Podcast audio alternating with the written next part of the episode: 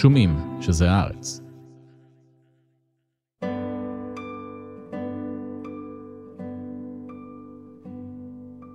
שוליית הקוסמת, מאת תמר הוכשטטר.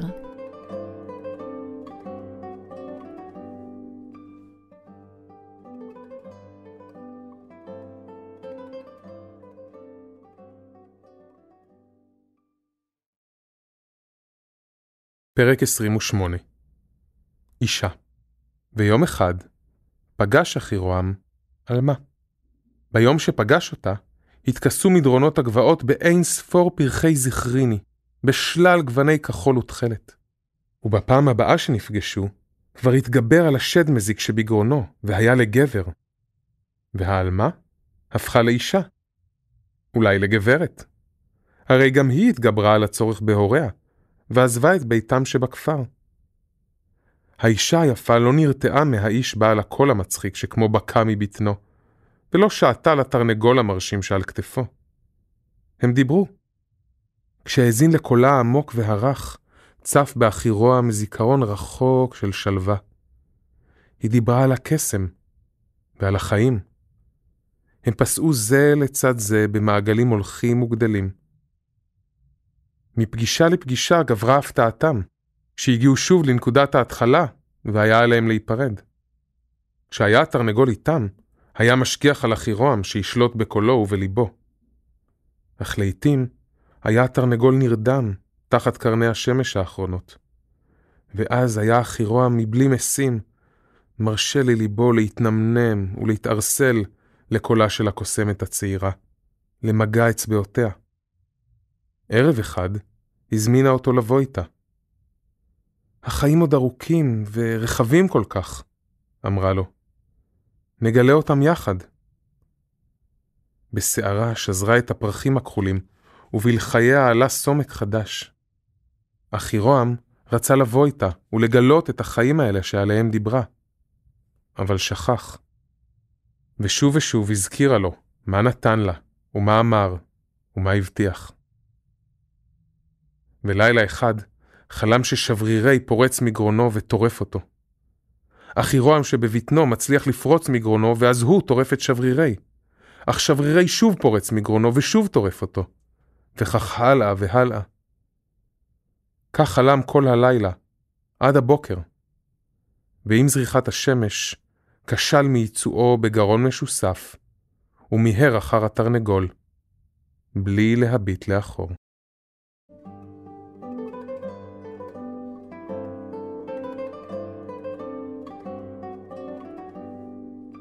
פרק 29 אחירועם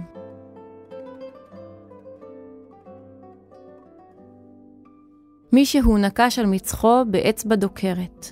טק, טק, טק. זן, הבקיע מחשבה בערפל ראשו. זן? הוא פקח בקושי רב את עיניו, עפעפיו מתעקשים לדבוק זה לזה. במבט מטושטש חיפש את דמותה הקטנה. הוא שכב על מזרון דק בחדר קטן וריק, בלי חלונות. עין שחורה ומבריקה הביטה בו בעיון. זן? הוא התאמץ לחדד את מבטו. כתם סגול ירוק התהווה מול עיניו. הראש הקטן שמולו פנה בחדות. קרבולת אדומה היטלטלה. ציפור סגולה גדולה, לא, לא ציפור, תרנגולת. הוא הרים יד כבדה לשפשף את עיניו. זאת לא הייתה תחפושת. תרנגולת אמיתית חגה סביבו, מחפשת פירורים לנקר מבגדיו. הוא הדף אותה בזהירות, נזהר מהמקור הכתום והחד. חשבתי שאת זן, מלמל תוך כדי שהרים את עצמו בזהירות לישיבה. נוחש פנה לאחור. הוא הרגיש כאב חד מאחורי ארובות העיניים, ובחילה עלתה בו. הוא עצם את עיניו וחיכה שהבחילה תעבור. כשפקח אותן, ראה אותו. המכשף. אחירועם. נוחש ידע שזה הוא. הרי ראה אותו כבר בחלום של זן. הוא נראה כמו הקופץ ליד המדורה, רק חיוור וזקן יותר, ועקום. הוא ישב על מזרן, זהה לזה שתחת נוחש. ברגליים מסוכלות חייך אל נוחש. השיניים הקדמיות שלו היו בולטות. כתפו השמאלית הזדקרה מעלה, בעוד כתפו הימנית נטטה לכיוון הרצפה. הוא היה רזה מאוד. הוא נראה כמו תיש זקן ועקום, חשב נוחש. התרנגולת שוטטה בחדר, שקירותיו היו בצבע החרדל. היא התקרבה אל המכשף. אחירועם המשיך לשתוק והתבונן בנוחש בעניין. עיניו זהרו, כאילו מישהו הדליק נר בתוך הגולגולת שלו. שלום אורח, אמר המכשף. אורח פורח. קולו היה עמום וצפצפני.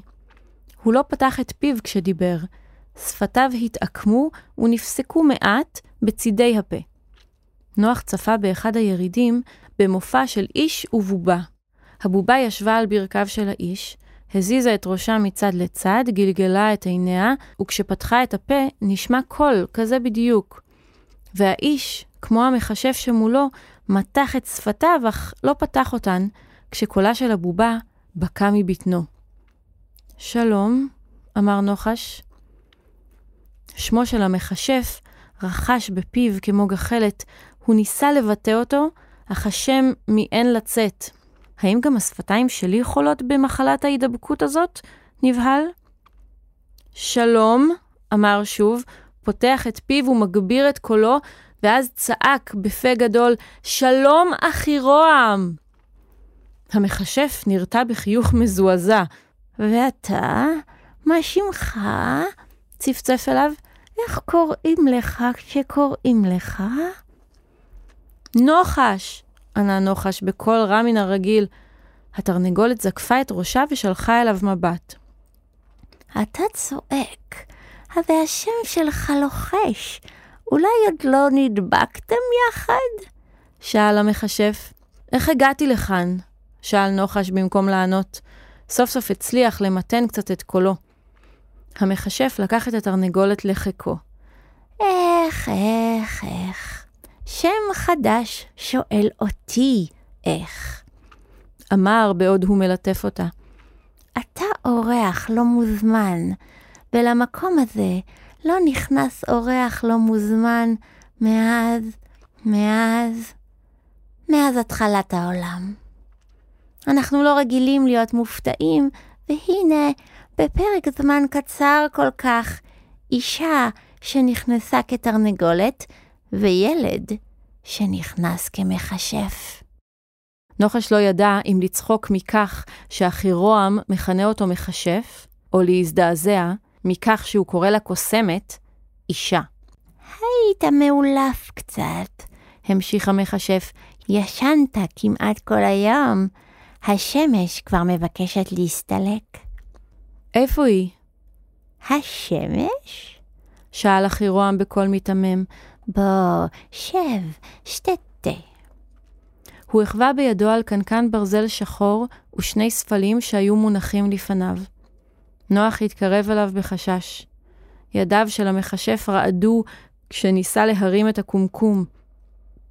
טיפות תה ניצזו מהפייה. אולי תסכים לעזור לי? שאל בחיוך. היו לו שיניים גדולות. תיש, חשב שוב נוח לעצמו, וקיווה שהמחשבה הזאת תפיג מעט את הפחד שהתפשט בו כמו פריחה. הוא לקח מידיו הרועדות של המכשף את הקומקום. לרגע היו קרובים, כמעט נוגעים. בהקלה נוכח שידיו יציבות ובוטחות, ידי שוליה מיומן. הוא מזג את התה לשני הספלים. ריח טוב עלה מהנוזל הירקרק. אמרת שהפתעתי אותך, אז איך זה שיש פה שני ספלים?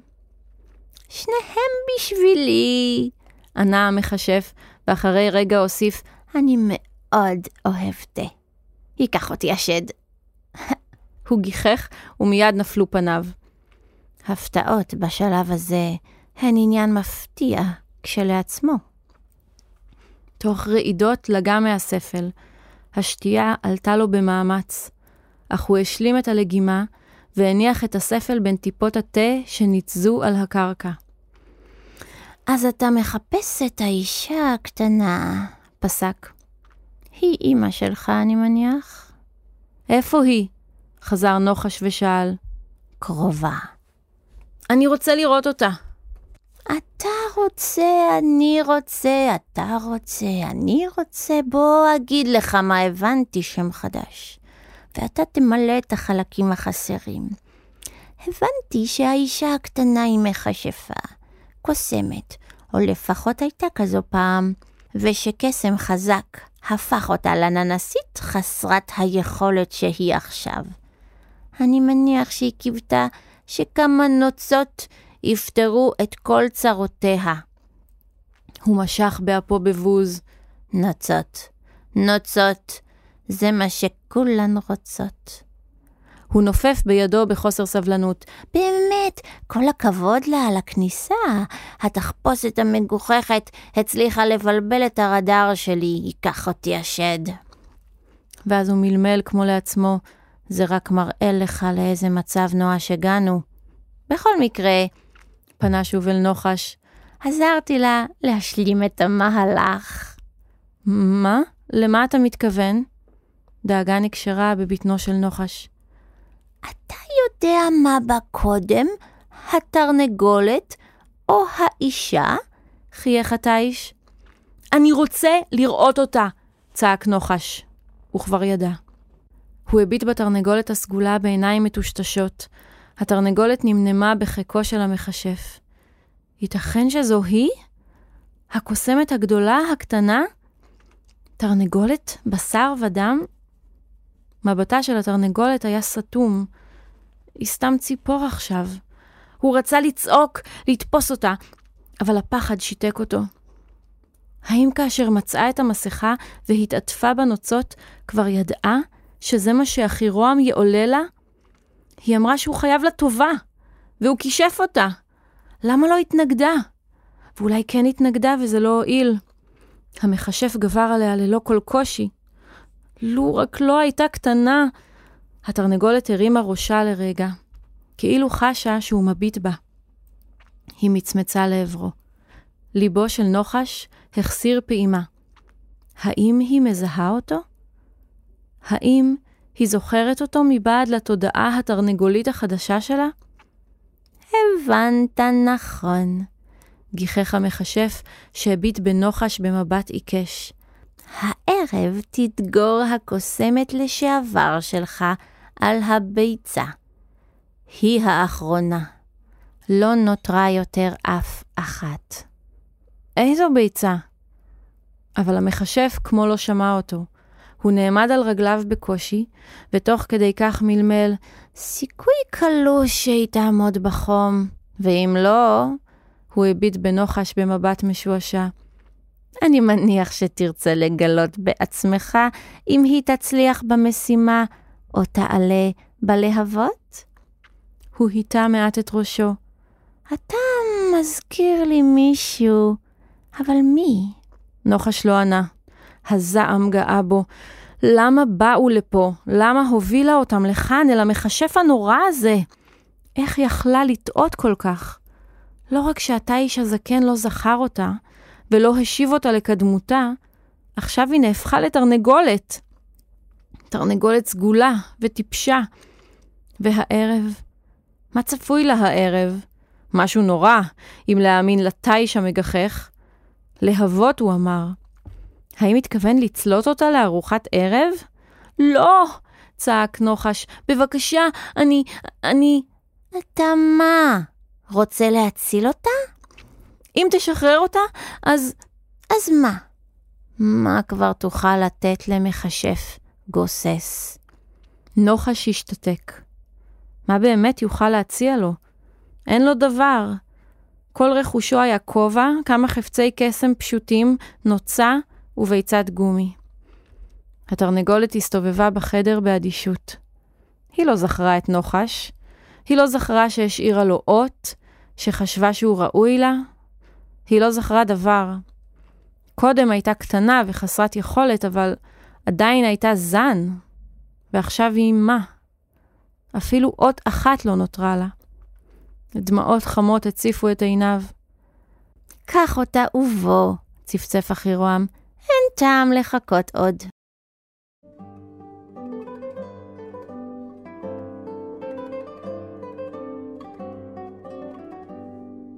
פרק 30 כן הגלגול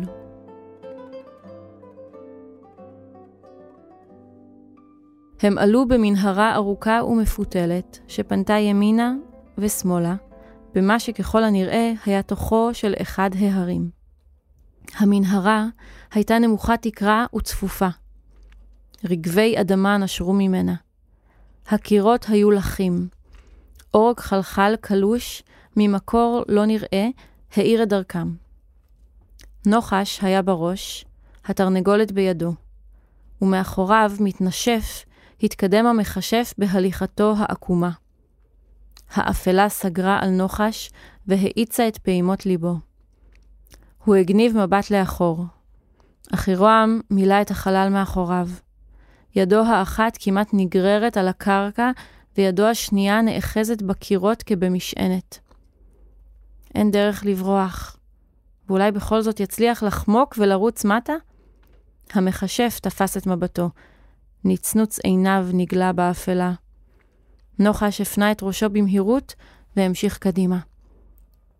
התרנגולת לא הביעה התנגדות לצעידה, אולי אפילו נמנמה בין ידיו של נוחש. הוא ניסה לשלוח אליה מחשבות בטלפתיה. יהיה בסדר, אני אחשוב על משהו. ותוך כדי כך תהה, איפה התרנגול? האם הוא מחכה בקצה הדרך? בשלב מסוים התחילו לרדת. נוחש החליק ונפל פעם אחר פעם.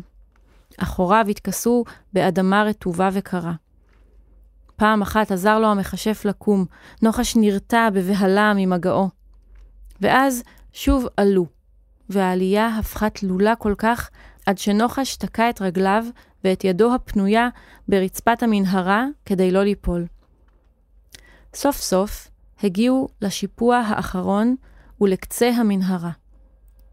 שיח גדול וסבוך צמח בסופה וחסם את הפתח החוצה. ענפיו של השיח נצמדו אל הקירות ואחזו בו כמאה ידיים קטנות. המכשף עקף את נוחש, הוא רחן מעל השיח והשמיע צליל נשיפה שורק בין שיניו. לשם הצליל השתפלו ענפי השיח לצדדים, קודם הקרובים אליהם, ואז המרוחקים יותר, עד שפתח צר ומואר נגלה ביניהם. בדיוק כמו הפרחים הכחולים, חשב נוחש. רוח נשבה בעד הפתח על פניו של נוחש. הוא נשטף הקלה למגעה על פניו ולמראה העולם שבחוץ. המכשף פסע בזהירות בעד הפתח, ונוחש הציץ מאחורי כתפו. נוף עוצר נשימה התגלה למולם. הם היו בראש הר. אורותיה של העיר נצצו למרגלותיהם, ומאחוריה שכב האגם האליפטי תחת דוק ערפל מזדחל. השמש כבר שקעה, אבל אורה עוד צבע את העולם בגוונים של כחול. תן לי אותה, אמר אחי רועם. נוחש הגיש לו את התרנגולת בבטן מכווצת. הוא צעד החוצה וכמעט מעד חזרה אל עבר הירידה התלולה. הרוח שעלתה מדופן ההר דחפה אותו אל עבר המנהרה ותלשה את כובעו מראשו. הוא מיהר לתפוס בו וניסה שוב לצאת. הפעם החזיק בדופן הפתח לתמיכה. אל תיפול למטה, ציווה המכשף. ההערה הייתה במקומה. נוחש עבר את דופן המנהרה וכמעט איבד את שיווי המשקל נוכח התהום שנפערה לצידו. אך כשחשב להתרחק משפת התהום, גילה בבהלה שתהום נוספת פעורה בצד השני, זה של ההר. החזק בזה, אמר אחירם, והחווה אל עמוד עץ שעמד תקוע לצידו. עמודים דומים לו ניצבו זקופים, ועיטרו את הלוע סביב סביב כנרות על עוגה. נוחש נאחז בקרוב אליו, ועיצב את עצמו. הוא הפנה את גבו אל הנוף, והביט במכתש הפעור שתחתם. חמימות עלתה מבטן ההר, וליטפה את לחייו של נוחש, מנוגדת לקור ששילחה הרוח בגבו. הוא בהה אל תוך הלוע בניסיון להבין מה רואות עיניו. קירות המכתש שנפער בהר היו מורכבים מפרטים שנוחש התקשה לזהות בחשיכה היורדת. האם הוא רואה אופניים ירוקים תקועים בצד המדרון? רצפת המכתש השחורה נראתה ככתם כהה, שחור, והריח.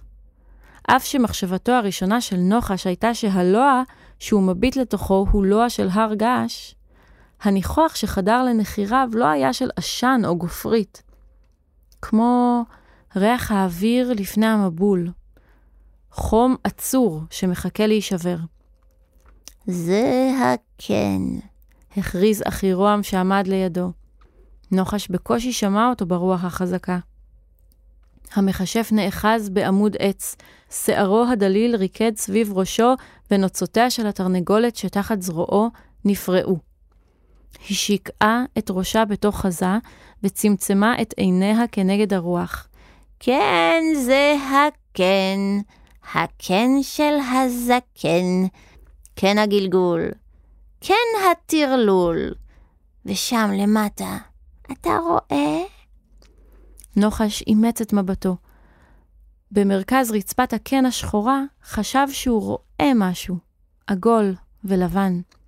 ביצה, אישר המכשף. שבע שנים חצבתי בהר, בגשם, ובשמש, בחמסין, ובשרב, בכואבת הרגל, כואב לי הגב. סחבתי ושיבצתי את כל המתנות בקירותיו.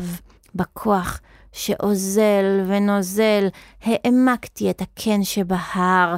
הר, הר, הר, הר עקשן, הר הודף כישוף.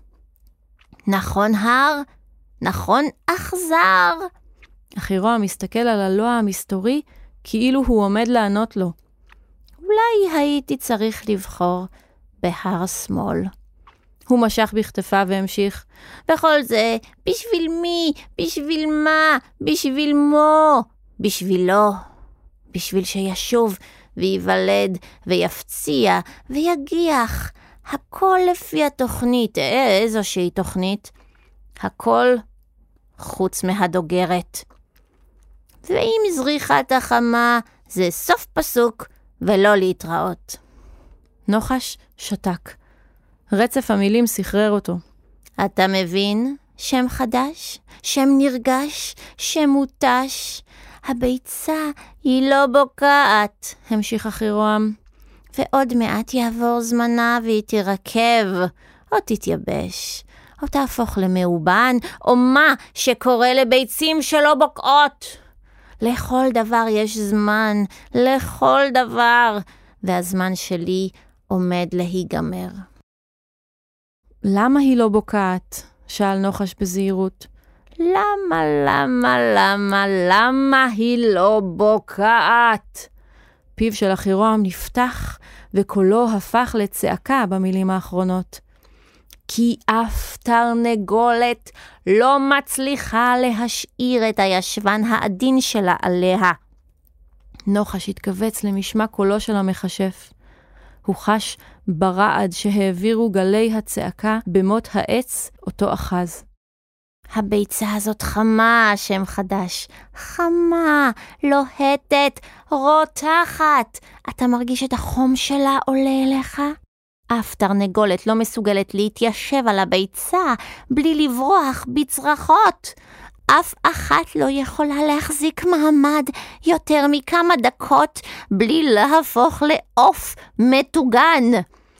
התרנגולות האלה הן צריכות להאמין שזה האפרוח החמודון, המתוקון, הפצפון שלהן שם בפנים. הבאתי תרנגולות בר, ותרנגולות בית, ותרנגולות בצבע זית, ותרנגולות צעירות וזקנות, וגם אחת, נדירה, שחיה במדבריות הצחיחים. מאות תרנגולות התיישבו על הביצה הארורה, ומאות תרנגולות התפחמו בן רגע, ולא נותר מהם דבר מלבד תלולית שחורה. הביצה הרותחת צולה אותן, פוף! שבעה ימים צריך לשבת על הביצה כדי שתבקע. שבעה. ולא הייתה תרנגולת אחת ששרדה עליה יותר מכמה שניות. נוחש חש בחילה כשדמיין זאת. המכשף המשיך. אז הבאתי אמהות אנושיות, ואותן הפכתי לתרנגולות. קיוויתי שתהיה להן קצת יותר אמונה. ומה אתה יודע שם נואש?